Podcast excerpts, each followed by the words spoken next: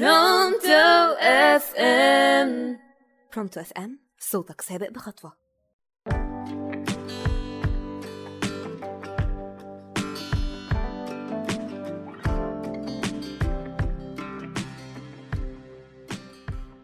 مساء الخير عليكم أنا داليا علاء الدين وده راديو برونتو FM برنامج بتاعة راديو. في الحقيقة عايزة أحكي لكم عن راجل اسمه مدحت. بيقول إن مراته عندها مشكلة كده. كل ليلة يمسوا على بعض ويدخلوا السرير عشان يناموا.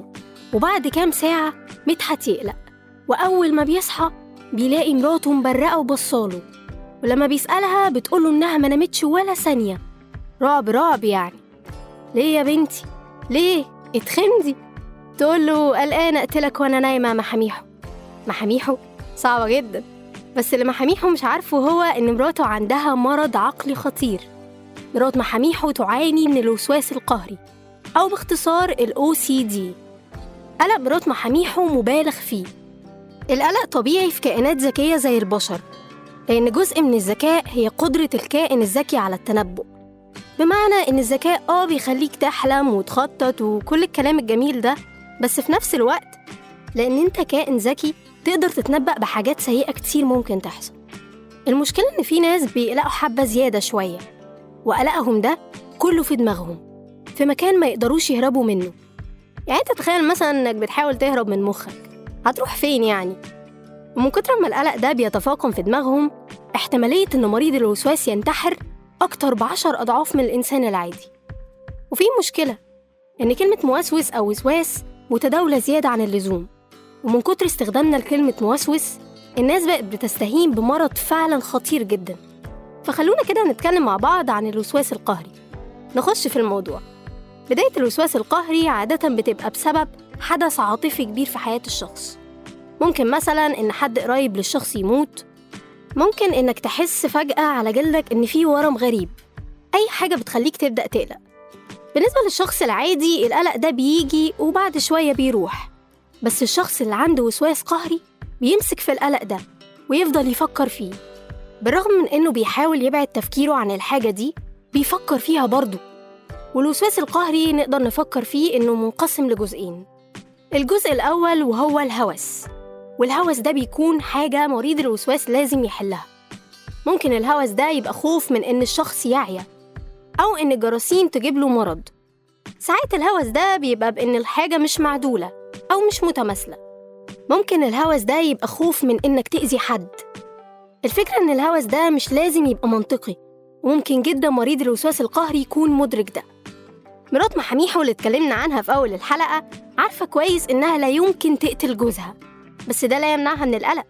ونتيجة للهوس اللي بيكون موجود عند مريض الوسواس بنشوف الجزء تاني من المرض وهو التصرفات الإلزامية أو القهرية. دي حاجات مريض الوسواس بيعملها عشان يخلص من القلق الموجود في مخه. يعني لو حاسس مثلا إن في جراثيم في إيده بيقوم يغسل إيده. لو القلق لسه موجود بيقوم يستحمى وينظف هدومه.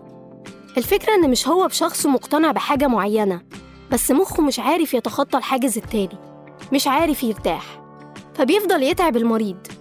ومن هنا برضه أقول إن الفكرة مش في إنك تقلق مش أي حد بيقلق بيكون موسوس.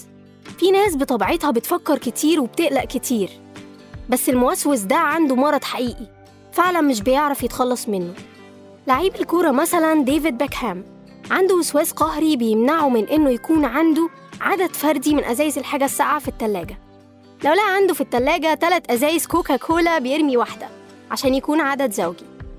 الموضوع ممكن تحسه كوميدي جدا بس ده تاني مش بمزاج الشخص. المشكلة إن من كتر القلق والأرق مريض الوسواس بيتعب جدا. دايما قلقان. تخيل معايا كده مثلا قلقك على درجة الامتحان. وتخيل إن في شخص 24 ساعة حاسس بالقلق. انسى النوم انسى الضحك دايما في خوف وقلق. مجتمعاتنا بتتعامل مع الموضوع ده بشكل هين وهو فعلا صعب جدا. بالرغم من إن فعلا في أدوية بتهدي موضوع الوسواس القهري ده معظمهم مش بيحل المشكلة. بس في حل لذيذ كده من اختراع واحد اسمه جيفري شاورز. الراجل ده بيقول إن في خطوتين مهمين في العلاج. أول خطوة هي إن مريض الوسواس يدرك إن المشكلة جاية مش من قلقه من مشكلة حقيقية. بالطريقة دي مريض الوسواس بيبطل يفكر في المشكلة ويبدأ يفكر في الموضوع بشكل إجمالي.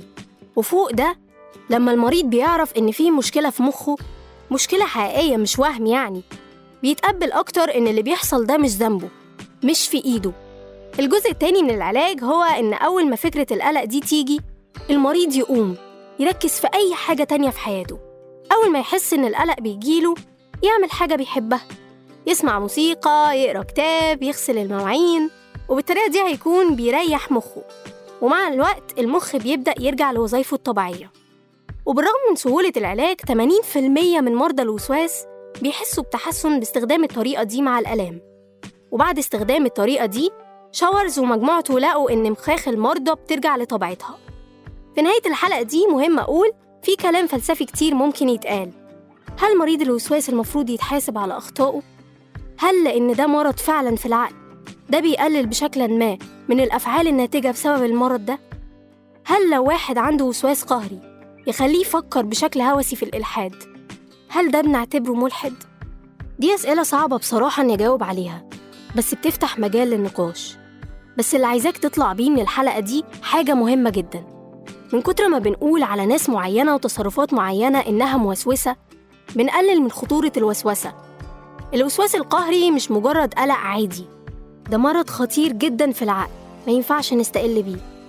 لو أنت عندك وسواس قهري أو تعرف حد عنده وسواس قهري افتكر إن مريض الوسواس ده تصرفاته مش ذنبه.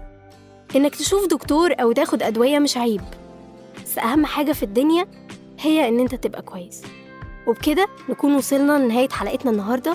أنا داليا علاء الدين وده راديو برونتو أف أم. أشوفكم الحلقة الجاية. تصبحوا على خير.